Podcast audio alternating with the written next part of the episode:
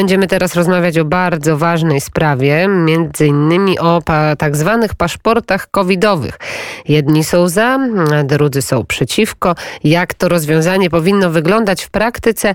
A o tym już będę rozmawiała z moim gościem, Anna Maria Siarkowska, poseł Prawa i Sprawiedliwości, członek Komisji Obrony Narodowej. Dzień dobry, pani poseł. Dzień dobry pani redaktor, dzień dobry państwu. No i wszyscy się zastanawiamy. Unia Europejska, jak wiemy, do 25 czerwca, czyli już szybciutko, chce wprowadzić tak zwany paszport covidowy, który ułatwiłby między innymi korzystanie z kin, stadionów, czy e, oczywiście podróży, czy restauracji. Jak pani się odnosi do tego pomysłu, bo wiem, że dość chyba sceptycznie spogląda pani w tę stronę. Mhm. Znaczy, zdecydowanie tak. Natomiast w tej e, dyskusji na temat paszport, tak zwanych paszportów e, covidowych. Mm, oczywiście to jest nazwa mm, taka popularna. Nazywa się to, nazywa się to w rzeczywistości zielonym zaświadczeniem e, cyfrowym. E, czyli te paszporty covidowe należy rozpatrywać ten problem w dwóch obszarach. Po pierwsze w relacjach międzynarodowych, to znaczy przy okazji podróży zagranicznych.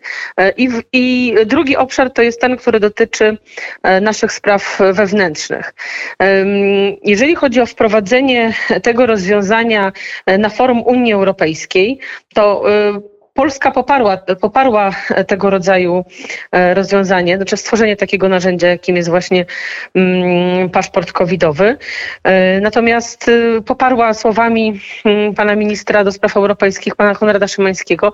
Natomiast Sejm się w tej kwestii, to należy podkreślić wyraźnie, Sejm się w tej kwestii do tej pory nie wypowiedział. A jest to obszar stricte zarezerwowany dla, dla Sejmu, albowiem dotyczy praw i wolności obywatelskich, wszelkiego rodzaju takie decyzje mogą być podejmowane e, tylko przez Sejm i to ustanowione w drodze ustawy. To jest pierwsza kwestia. Druga kwestia jest taka, że my jako Polska oczywiście nie mamy e, wielkiego wpływu na to, jakie decyzje podejmą e, pozostałe państwa Unii Europejskiej. I jeżeli E, inne państwa wprowadzą takie rozwiązania, że e, osoby, które są zaszczepione, jedno ze szczepionek, e, które zostały dopuszczone do stosowania na terenie Unii Europejskiej, są na przykład zwolnione z kwarantanny przy okazji podróży zagranicznych, no to na tego rodzaju rozwiązanie mm, nie mamy wpływu. I wówczas tutaj się można zastanowić tym, czy, czy, czy właśnie wprowadzać ten tak zwany paszport covidowy do celów wyjazdów e, zagranicznych, ułatwienia tych wyjazdów.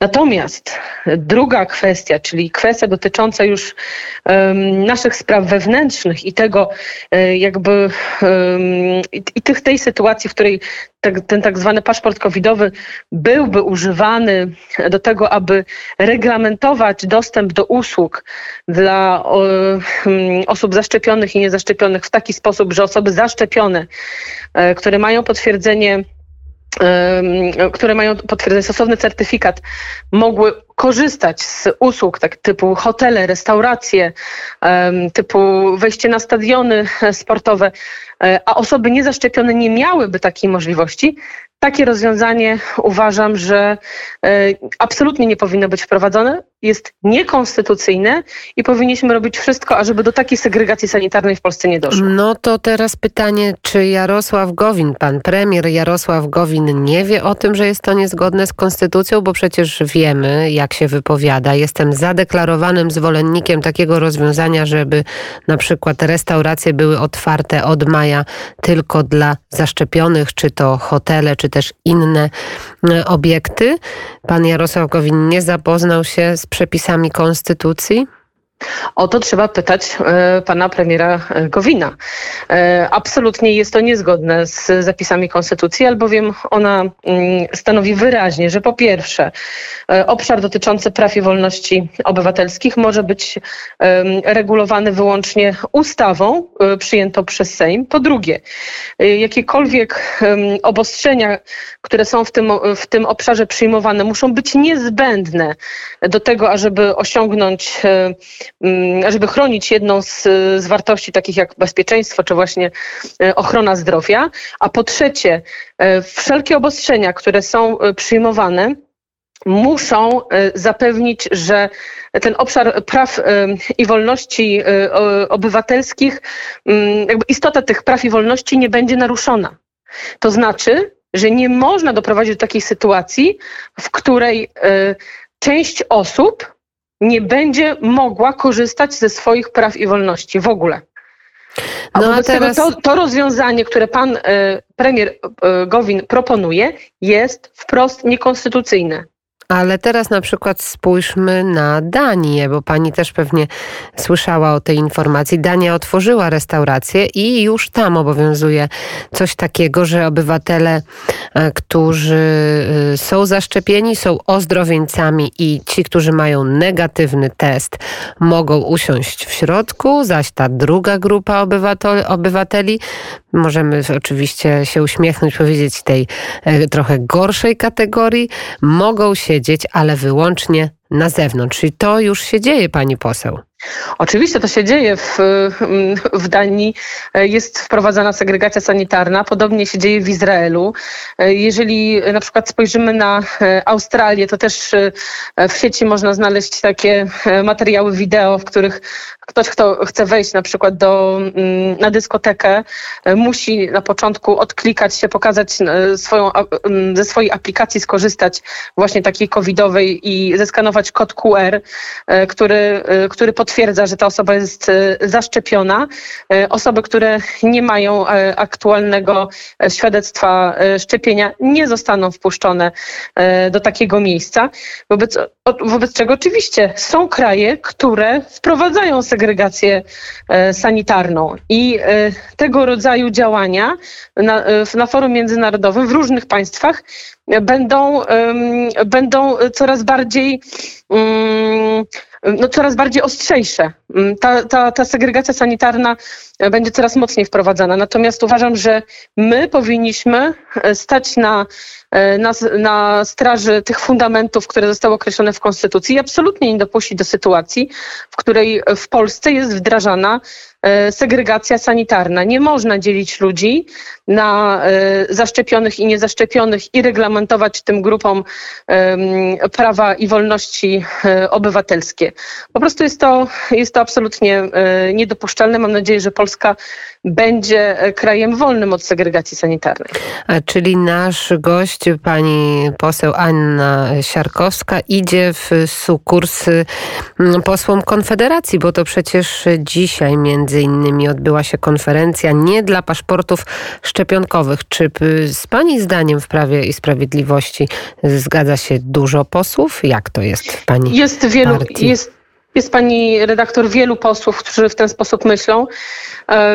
Nie wszyscy, znaczy myślę, że też ta świadomość tego, z czym się będą, z czym się będzie wiązało wprowadzenie paszportów covidowych, paszportów sanitarnych, e, ta świadomość się cały czas e, zwiększa, bo jest też wielu posłów, którzy zajmują się jakimiś swoimi określonymi e, dziedzinami i w kwestie sanitarne do tej pory nie wchodzili, pozostawiając to osobom, które, które tutaj były zaangażowane mocno na tym polu. I teraz myślę, że ta, że ta świadomość e, wśród posłów się znacznie zwiększa i, i mam nadzieję, że będzie wsparcie e, dla, e, dla tych postulatów właśnie, żeby Polska była wolna, krajem wolnym od segregacji sanitarnej. Co więcej, musimy to jeszcze raz podkreślić, że szczepienie na, na koronawirusa pozostaje, na koronawirusa SARS-CoV-2 pozostaje szczepieniem dobrowolnym.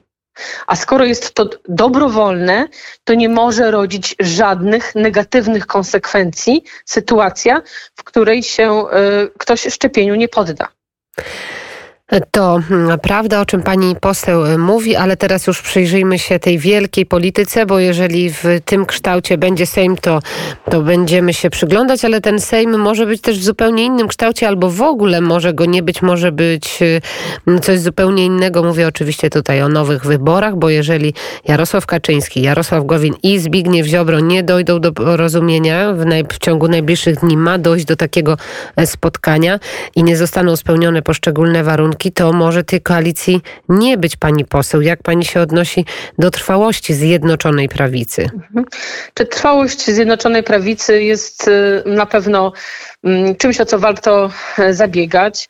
Poza Zjednoczoną Prawicą, która ma swoje oczywiście plusy i minusy, ale poza Zjednoczoną Prawicą wśród opozycji to czekają na nas, tak mówiąc trochę mm, obrazowo, zastępy Hunów, które chciałyby zniszczyć te fundamenty naszego, naszego w ogóle życia społecznego, na których, na, na których się opiera całe życie Polaków, tak? czyli uderzyć w fundamenty naszej, naszej cywilizacji.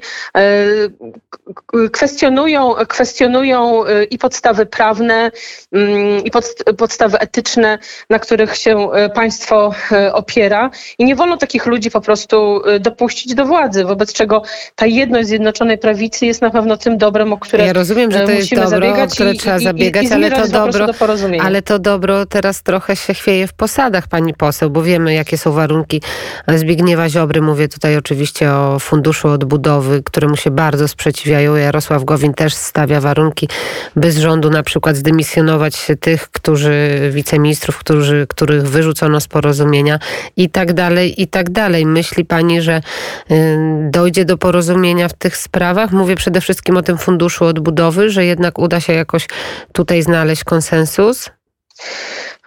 Myślę, że wszystko, że wszystko przed nami, konsensus jest konieczny, e, natomiast musimy pamiętać, że e, kluczem do, e, do porozumienia i do stabilności jest też powrót do, do tych fundamentów, na których Zjednoczona Prawica była zbudowana i na których i, i postulatów wyborczych również, z którymi, z którymi szła do wyborów. Myślę, że powinniśmy po prostu powrócić do, do programu i tego, i tego się trzymać. Myślę, tym takim największymi kośćmi niezgody są dzisiaj pewne punkty, które się pojawiły e, i problemy, które się pojawiły już w trakcie mm, sprawowania rządów przez, e, przez Zjednoczoną Prawicę.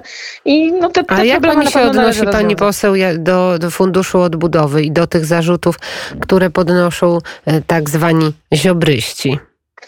Mm, ja bym tego w ten sposób nie, e, nie klasyfikowała, że są to zarzuty grupy e, ziobrystów, e, aczkolwiek rzeczywiście mm, tutaj mm, posłowie, którzy są skupieni wokół Zbigniewa Ziobry wśród Zjednoczonej Prawicy najmocniej akcentują, z czym tak naprawdę się wiąże przyjęcie, przyjęcie tego funduszu.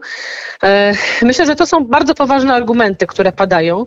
Argumenty, które przypomnijmy, dotyczą po pierwsze tego, że y, zgadzając się na przyjęcie oczywiście e, środków e, unijnych, e, które są, które są zagwarantowane w ramach tego funduszu, zgadzamy się jednocześnie na uwspólnotowienie długu um, państw w ramach Unii Europejskiej, czyli będziemy również odpowiadać jako Polska za dług na przykład bardzo zadłużonych Włoch czy, e, czy Grecji. Po drugie, Zgadzamy się na przyjęcie, na wprowadzenie podatków, nowych podatków na rzecz, e, wprost na rzecz Unii Europejskiej. Do tej pory Unia Europejska nie miała swoich własnych funduszy, nie mogła obciążać obywateli e, Unii Europejskiej podatkami, które wprost trafiały do budżetu unijnego, e, tylko przede wszystkim była zbudowana na, jej budżet był zbudowany na składkach członkowskich, które, które wpłacały poszczególne kraje. Wprowadzenie wprowadzenie instrumentów w postaci e, podatków, e, którymi, e, które zostaną na, na, nałożone na obywateli państw Unii, w tym na Polaków, mm, i które będą stricte wpływać do budżetu unijnego, sprawią, że Unia Europejska stanie się um, instytucją, można powiedzieć, w pewien sposób, która się uniezależnia od państw narodowych. A zatem to jest bardzo duży krok w kierunku już tak naprawdę dopięcia tego projektu e, pod tytułem e, Unia Europejska jako nowe, jako nowe superpaństwo. Rozumiem, I czyli to jest zagrożenie. Pani, pani Ostatnia kwestia oczywiście tak, jest związana z tym, że, mhm. że te fundusze, e, o których mówimy, są jednocześnie obwarowane koniecznością spełnienia tak zwanych standardów praworządności i są zarzuty no, w stosunku tak, Polski to jest ten stan tego faktyczny, o tym, tak wiemy, pani, o tym wiemy, mhm. o tym wiemy pani poseł. To jak pani będzie głosowała, jeżeli będzie Fundusz Odbudowy w takim, a nie innym kształcie poddany pod głosowanie? Mhm. Ja na tę chwilę e, czekam na, e, na ustosunkowanie się mm, tutaj mm, ministrów, którzy, e, którzy zajmują się tą sprawą, do tych argumentów, które są podnoszone mm, właśnie przez chociażby przez posłów Solidarnej Polski. Chciałabym usłyszeć kontrargumenty, które być może wyjaśnią tą sprawę i, i, rzucą, na, rzucą na to nowe światło. Natomiast jeżeli się potwierdzi, potwierdzi, e, jeżeli się potwierdzi, potwierdzą się te wszystkie rzeczy, które są e, podnoszone między innymi przez posłów e, Solidarnej Polski, ale przecież nie tylko, to na pewno nie będę mogła poprzeć takiego rozwiązania.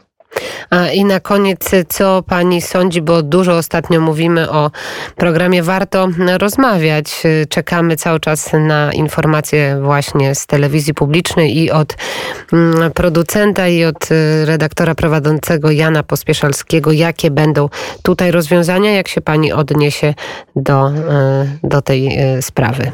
Mhm.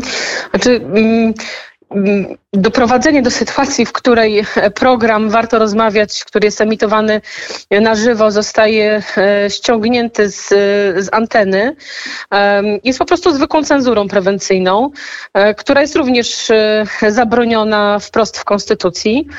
Mm, uważam, że taka sytuacja absolutnie nie powinna mieć miejsca. Bardzo, e, bardzo źle to wpływa również na postrzeganie e, Zjednoczonej Prawicy, chociaż jest to przecież e, decyzja tutaj pana prezesa Jacka Kurskiego. Mm, wydaje mi się, że tutaj jako, również jako posłowie mm, Zjednoczonej Prawicy powinniśmy się upomnieć o, o to, ażeby jak najszybciej przywrócić, przywrócić program Warto Rozmawiać do, do normalnej ramówki, taka, żeby tak, taka, żeby no, tą sytuację, która, która jest absolutnie niedopuszczalna, zwyczajnie naprawić.